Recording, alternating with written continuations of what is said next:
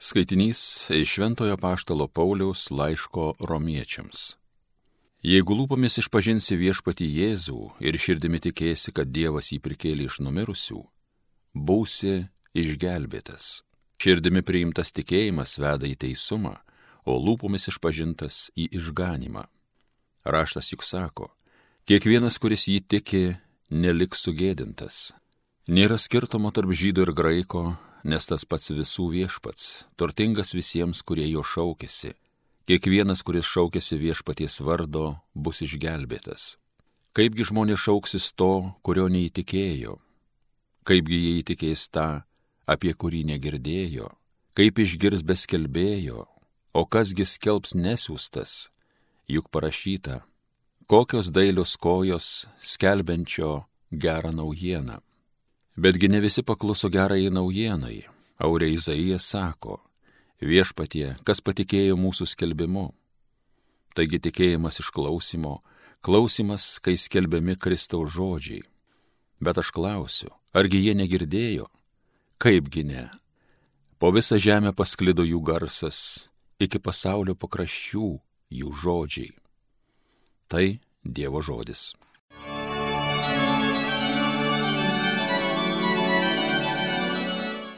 Per visą žemę eina jų aidas. Skelbia dangus Dievo garbę, apie jo rankų darbus žvaigždėtasis kliautas byloja. Šią bylą kartoja diena būsimai dienai, o naktis ateinančiai nakčiai. Per visą žemę eina jų aidas. Čia ne tie žodžiai ir ne tos kalbos, kurių skambesio nebūtų girdėti. Per visą žemę eina jų aidas, jų kalbesys, lygi kraštui pasaulio per visą žemę eina jų aidas. Alleluja, alleluja, alleluja. Eikite paskui mane, sako viešpats, aš padarysiu jūs žmonių žvėjais. Alleluja.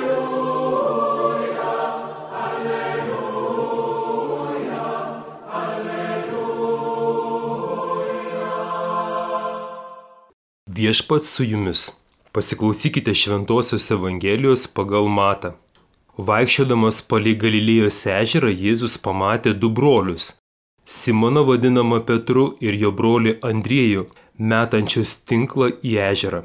Buvo madžvėjai. Jis tarė, eikite paskui mane, aš padarysiu jūs žmonių žvėjais. Tuodu to jau paliko tinklus ir nuėjo su juo. Paėjęs toliau Jėzus pamatė kitus du brolius - Zebedėjaus sūnų Jokūbą ir jo brolį Joną.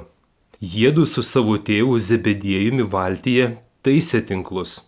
Jis ir tuos pašaukė. Jie tučto jau palikę valtį ir tėvą nuėjo su juo. Girdėjote viešpatį žodį.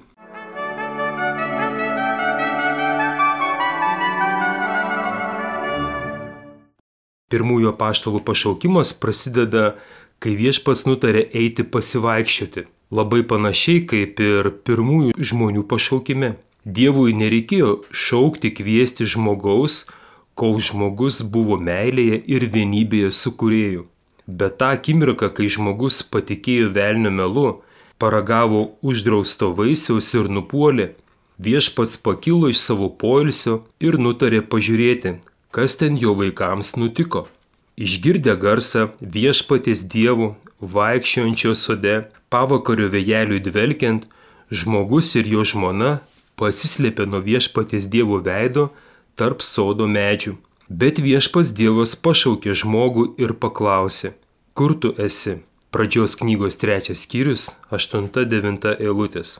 Istorija toliau daugeliu yra žinoma kaip žmogaus ir dievo drama. Nuo paskutinio Dievo pasivaikščiojimo Edeno sode praėjo nemažai laiko. Žmonės išplito po visą pasaulį, daug kas keitėsi, tobulėjo ar degradavo, atsirado ir išnyko. Tik Dievas ir jo troškimas nesikeitė nuo pat žmogaus sukūrimo pradžios. Dievas kiekvieną dieną eina ieškoti žmogaus, kad pašauktų jį į tą gyvenimą, iš kurio buvo išvarytas. Jėzus keliauja jis vaikščiojanti Dievo šlovė. Tai tas Dievo šlovės debesis dieną ir ugnies tulpas naktį lydintis žydų tautą per Raudonąją jūrą į pažadėtąją žemę.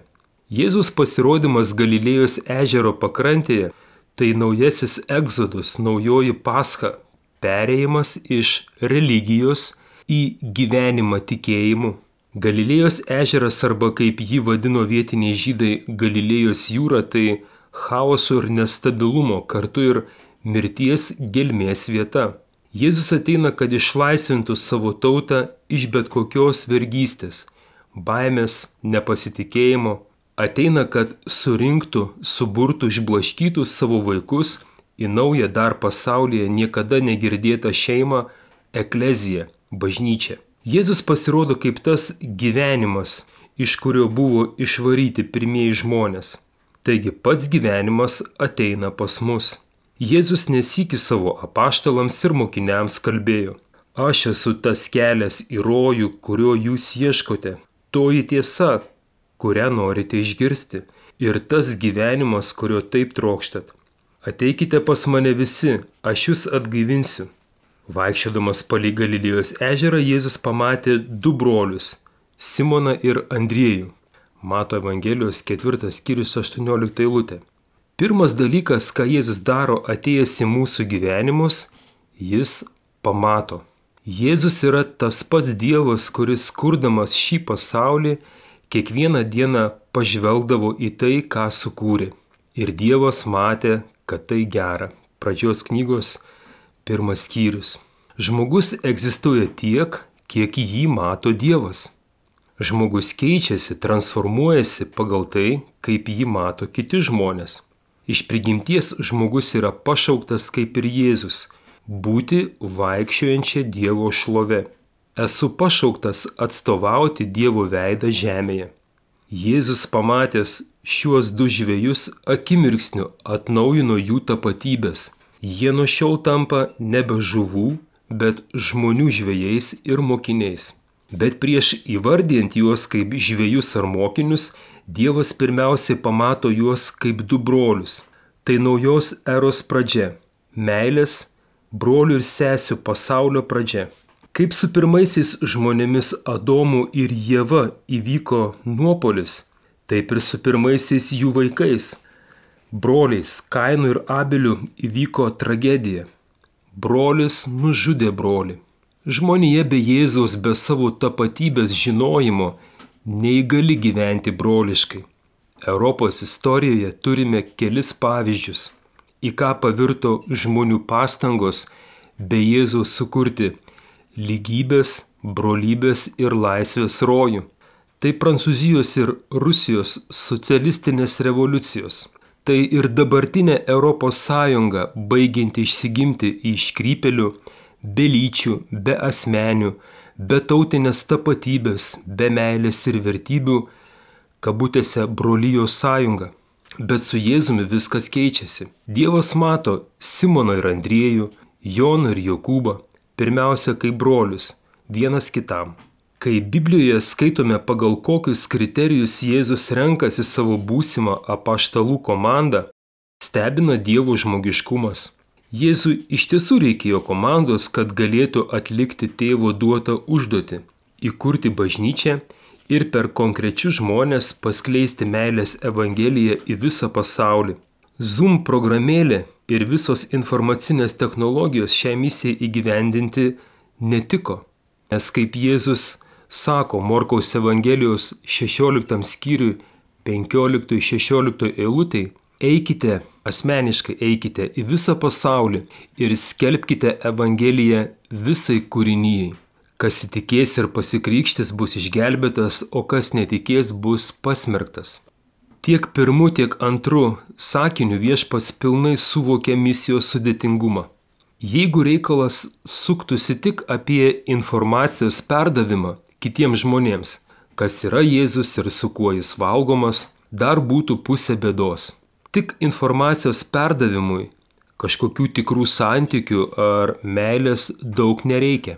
Prispausdinai Biblijų, katekizmų, maldaknygių, išdalinai ar pavertėjai visą šį turinį į skaitmeną ir vienu mygtuko paspaudimu visi 7 milijardai žmonių gavo visas žinias apie Dievą. Kita bėda tai, kad Jėzus pasakė, eikite, skelbkite Evangeliją ne tik žmonėms, bet ir kūrinyjei. Čia jau truputį sudėtingiau.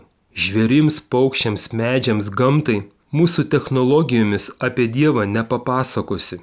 Kūrinyjei reikia gyvo prisilietimo, meilės, kantrybės, nusižeminimo ir įsiklausimo.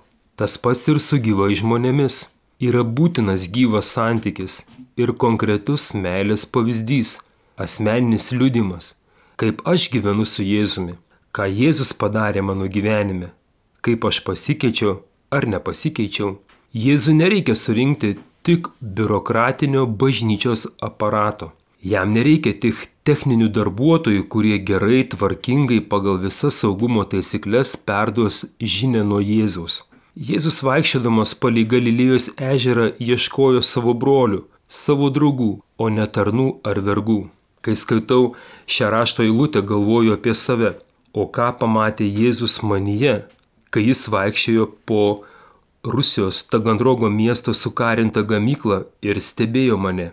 Ar jis pašaukė mane dėl to, kad buvau geras karys, ar pašaukė mane dėl mano talentų, sugebėjimų, nes jo būsimai karalystiai ateity reikės tokių specialistų. Šiandien suprantu tikrai ne dėl mano nuopelnų. Nepaslaptis, kad pasirinkdamas žmonės Dievas žiūri į širdį. Žmogus vertingas tiek, kiek sveria jo širdis, sakė šventasis Jonas Paulius II. Jeigu dar konkrečiau, tai Dievas pasirinkdamas mus vertina pagal tai, kiek esame išties broliai vieni kitiems, o ypač patiems silpniausiems. Ką padarėte vienam iš tų mano mažiausių brolių, tą padarėte man. Mato Evangelijos 25 skyrius 40 eilutė. Nežinau, kaip ir ką matome mes kunigai ir vienuoliai, kai į mūsų bažnyčias ateina jauni žmonės, Ar mes juose pirmiausia matome būsimus žvėjus, kunigus, vienuolius, vienuolės, ar pirmiausia stengiamės pamatyti juose brolius, sesės, ar stengiamės patys būti jiems broliais, juos pastebėti, juos išgirsti, jiems patarnauti. Pasauliui daugiau reikia ne tiek kalbančių ar skelbiančių apie Jėzų Kristų, kiek gyvenančių su Jėzumi Kristumi ir jo Evangelija. Būkite palaiminti su Dievu.